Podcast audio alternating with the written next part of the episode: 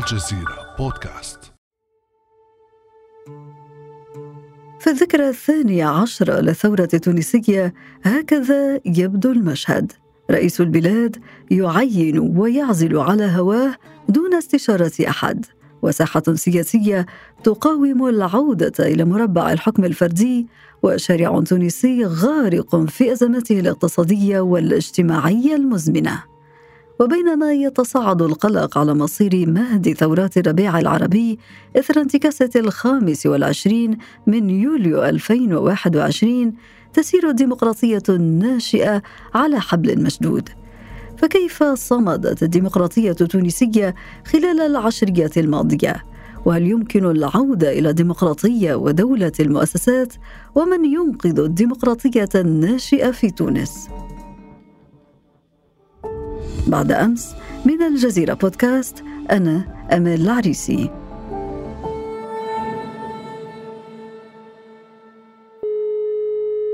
أسعد في هذه الحلقة. باستضافة الدكتور أيمن البغانمي الباحث في العلوم السياسية بجامعة القيروان. أهلا وسهلا بك دكتور أيمن.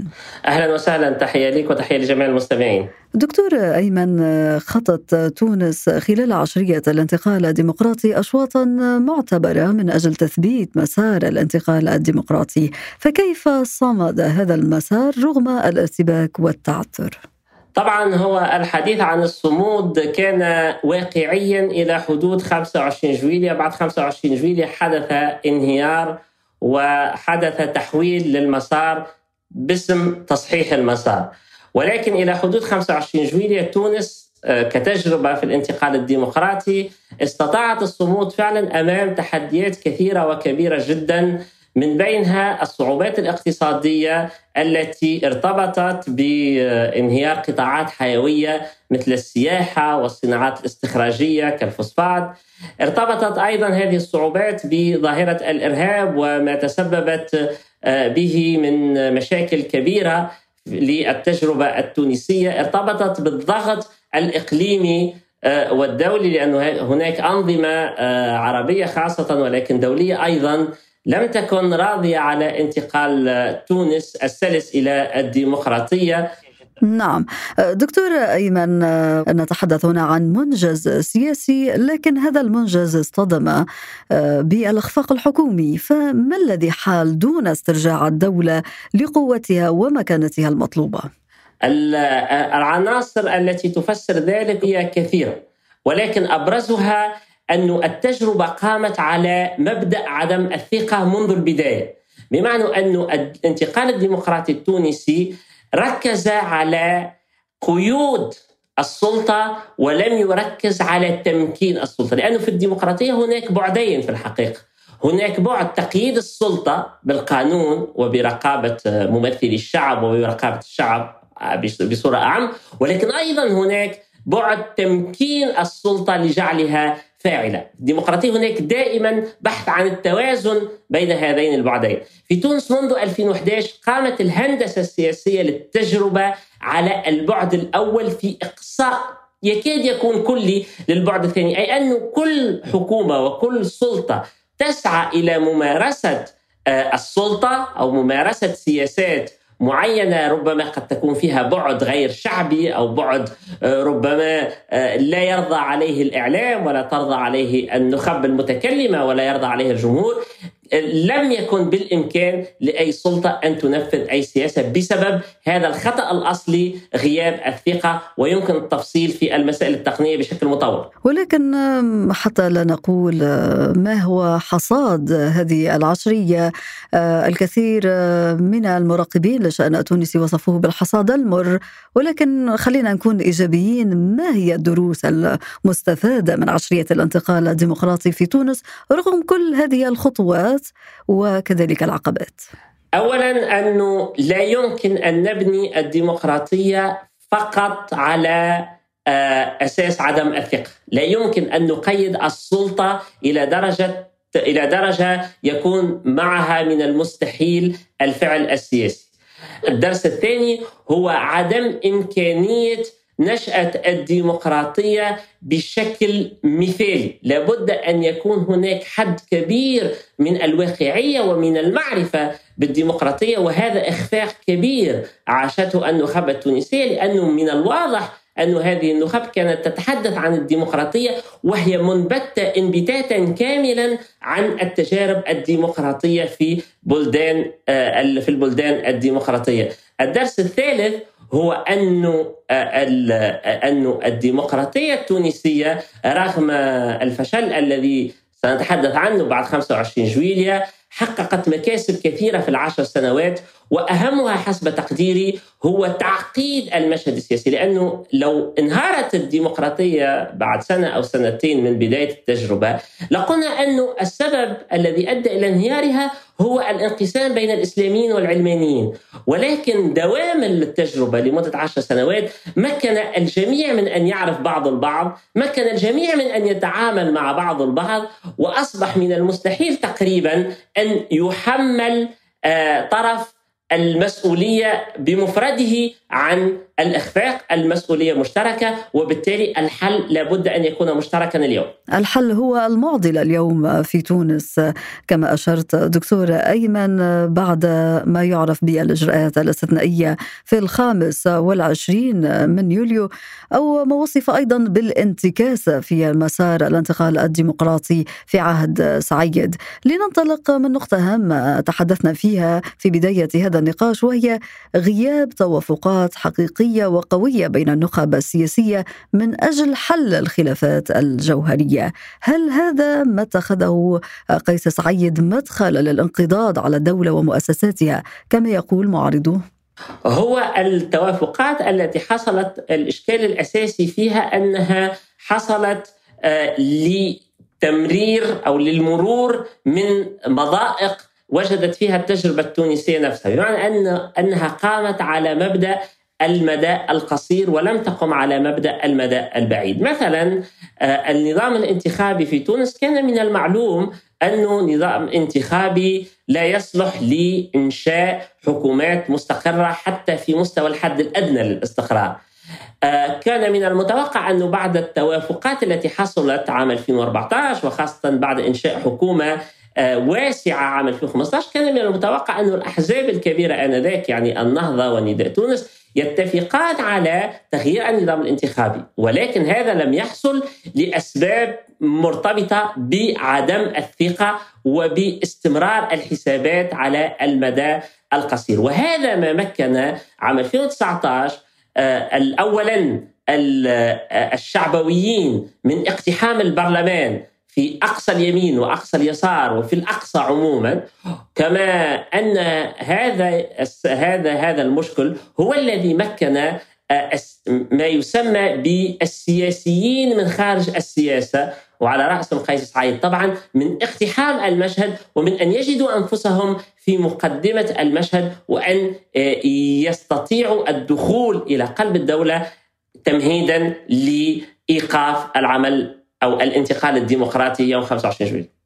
إذا آه، وفق تحليلك دكتور أيمن الأحزاب التي حكمت بعد الثورة هي التي تتحمل مسؤولية ما آلت إليه الأوضاع. اليوم قيس سعيد آه، في السلطة وبعد عام ونصف من أحكام قبضته على كل السلطات أصبح هو المسؤول الأول عن كل ما يحدث في البلاد. فهل أجهز قيس سعيد برأيك على تجربة تونس الديمقراطية؟ الأكيد أنه أجهز على مرحلتها الأولى أو على تجربتها الأولى. آه، وهو آه، ربما بإجهازه على هذه التجربة وفشله في إدارة آه، المرحلة من بعد ذلك ربما يعطي لتونس أو للديمقراطية التونسية فرصة أخرى قد تكون أكثر صعوبة من حيث انطلاقها ولكنها لو انطلقت قد تمهد إلى إنشاء تجربة أكثر صلابة لو استطعنا طبعا استخلاص الدروس. إذ أننا قبل 25 جويلية كنا نعيش أزمات حقيقية على المستوى السياسي وعلى المست... على وعلى مستوى إدارة الاقتصاد والمسائل الاجتماعية والشأن العام عموما. آه، وكان الناس يقولون نحتاج إلى رجل قوي. المشكلة اليوم أنه آه، يملكون نظريا رجل قوي آه، عنده كل الصلاحيات.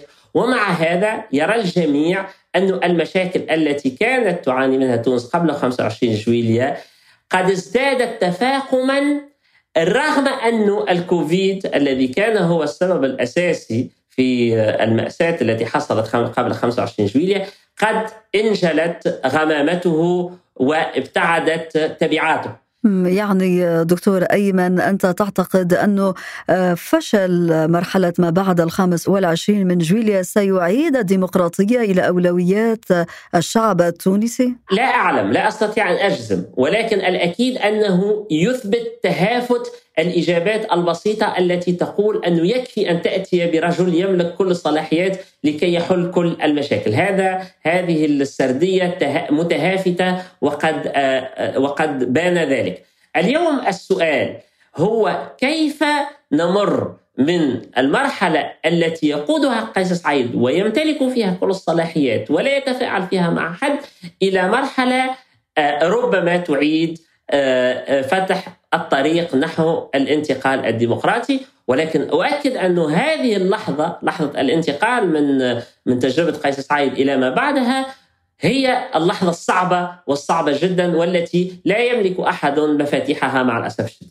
لحظة صعبة ولكن يبدو أن هناك مؤشرات على قرب هذه اللحظة. دكتور أيمن بحلول الذكرى الثانية عشرة للثورة التونسية تعيش البلاد على وقع معركة لاستعادة الديمقراطية. برأيك من هي الأطراف في هذه المعركة؟ وهل بالفعل لها ذلك الثقل السياسي؟ السياسي والاجتماعي حتى تقود مثل هكذا معركة؟ آه، اللحظة آه، تكون آه، قربت حين يحصل نوع من الخروج عن المسألة السياسية إلى المسألة الاقتصادية والاجتماعية مع الأسف الأطراف المطالبة بالديمقراطية قد فقدت كثيرا من تأثيرها في الشرائح الاجتماعية خاصة الشعبية بما يجعل تلك الشرائح في حالة خنوع آه، اليوم. وما زال هذا الخنوع نرى آه، نراه في الشارع ونراه في الحراك السياسي. ولكن الضغط الاقتصادي وتعكر الحالة الاجتماعية والثبوت فشل قيس أسعيد وعدم إمكانية التعويل عليه في حل أي مشكل حقيقي آه، يدفع بالكثيرين اليوم خاصة من خارج الإطار السياسي ومن خارج الأطر المنظمة إلى الاحتجاج، هذا الاحتجاج لا يزال ضعيفا. آه، لم تلتحق الأطراف الطبقات الشعبية بالنخب السياسية في الاحتجاج. المشكل اليوم أنه في ظل هذه المعادلة نخشى كثيرا من أن تتحول الاحتجاجات التي ستأتي في لحظة من اللحظات إلى احتجاجات غير مؤطرة. بما أن هذه الاحتجاجات هي ضد السلطة وضد المعارضة في نفس الوقت وضد حتى ما يسمى بالمنظمات الاجتماعية كالاتحاد العام التونسي للشغل لأنه الجمهور يحمل الاتحاد العام التونسي للشغل مسؤولية كبرى في الوضع الحالي. برأيك ما الذي تحتاجه الديمقراطية حتى تعود في تونس؟ اولا تحتاج إلى أن تكون مؤسسات الدولة فعلا مؤسسات دولة. وهذا شرط الحقيقة مفقود نسبيا. يعني مؤسسات الدولة ليست مؤسسات آه، تشتغل لصالح شخص مهما كان هذا الشخص ومهما كانت شرعيته الانتخابية. آه، وهذا طبعا لم نجده لأنه لاحظنا استعداد من مؤسسات الدولة للتأقلم مع آه، ما سمي بالحالة الاستثنائية البيروقراطية استجابت لقيس سعيد. عموما آه، المؤسسات الدولة الصلبة أو القوى الصلبة استجابت لقيس سعيد عموما آه، ولكن نلاحظ أيضا نوع من التردد الذي يتزايد في التعامل مع هذا النظام أو ما يحاول أن يصبح نظاما. هناك بعض الخبراء دكتور أيمن أيضا يتحدثون عن أن الوضعية الاقتصادية الصعبة في البلاد. كما أشرت حضرتك ستفتح المجال أمام ضغط الأطراف الدولية من أجل إصلاحات دستورية عميقة وعودة إلى المؤسسات والديمقراطية. هي الصعوبات الاقتصادية لا تدفع مبدئيا نحو إصلاحات دستورية والعودة إلى الديمقراطية. تدفع أساسا نحو إصلاحات اقتصادية وإصلاحات هيكلية عميقة من أجل تخلي الدولة عن الكثير من آه، المسؤوليات التي آه، تحملها على كاهلها. وهذه إصلاحات أنا طبعا هذا موقفي آه، هي ضرورية وفشلت فشلت تجربة الانتقال الديمقراطي في أن تتقدم على دربها. يبدو أن الكثير من الأطراف الدولية أراد أن يستغل السطوة التي كانت لقيس سعيد بعد 25 جويلية من أجل فرض هذه الإصلاحات عن طريق آه، تلك الصلاحيات التي ركزها في في قرطاج. آه، ولكن هذا أيضا فشل لأنه لأن الرجل آه، لا يتفاعل بشكل إيجابي لا مع الداخل ولا مع الخارج. اذا فشل من هذه الناحية. وبالتالي كيف سنؤلف بين الحاجة إلى العودة إلى الانتقال الديمقراطي والإصلاحات الدستورية من جهة والحاجة إلى الانتقال الاقتصادي والإصلاحات الهيكليه من جهة أخرى وهما مطلبان آه، ضروريان والحاجة الأكبر هي توطين الديمقراطية وتجسير الهوة بين النخب السياسية والمجتمع التونسي أليس كذلك؟ آه، المشكل أنه دائما ما نربط التطور الاقتصادي والنهوض الاجتماعي بالوضع السياسي وهذا ليس خاطئا بالضرورة ولكن لا يكفي الانتقال الديمقراطي لتطوير الاقتصاد وتحسين حالة المجتمع. البلدان التي تزامن فيها الانتقال الديمقراطي مع التطور الاقتصادي والاجتماعي هذه البلدان تكرست فيها الديمقراطية وأصبحت الديمقراطية مرتبطة بالرفاه. في المقابل البلدان التي تزامن فيها الانتقال السياسي الانتقال الديمقراطي مع صعوبات اقتصادية وهي حالة تونس نفر المجتمع من الديمقراطية لأنه اعتبرها آه، آه، لا تخدم مصالحه اليومية ومصالحه المعيشية. آه، وبالتالي هذا مشكل حقيقي تونس كما قلت تعرضت تجربتها إلى ضغوط كبيرة جدا جزء منها داخلي ولكن جزء منها كان خارج عن إرادة تونس. يعني حين مثلا تونس تعيش جفافا تعيش جفافا متواصلا تقريبا على في العشر سنوات الأخيرة أو ال11 سنة الأخيرة عندنا ست أو سبع سنوات جفاف. فهذا خارج عن السياسة ولا يستطيع السياسي أن يفعل فيه شيئا لأنه مرتبط بالوضع الاقتصادي وتغيرات المناخ. آه، هذا طبعا لا يمكن للمجتمع أن يفقه العلاقة بين الصعوبات التي يعيشها وعناصر خارجة عن السياسة ولكنه يرى جيدا العلاقة بين الصعوبات التي يعيشها والأزمات السياسية وبالتالي يقول إذا فلنتخلص من الديمقراطية إذا كانت هذه هي الديمقراطية بهذا المعنى تونس كانت سيئة الطابع وبشكل عام دكتور أيمن الشعوب تواق إلى الديمقراطية بوصفها ملجا من الاستبداد أليس كذلك؟ آه، الشعوب طواقة للديمقراطية لست متأكدا من ذلك الشعوب الشعوب تكون طواقة إلى الديمقراطية حين تكون تحت آه، تحت سطوة الدكتاتورية وتحت سطوة السلطوية لأنه آه، لأنها تكون ترى مساوئ الدكتاتورية ولكن حين تكون في أليس الوضع كذلك اليوم في تونس؟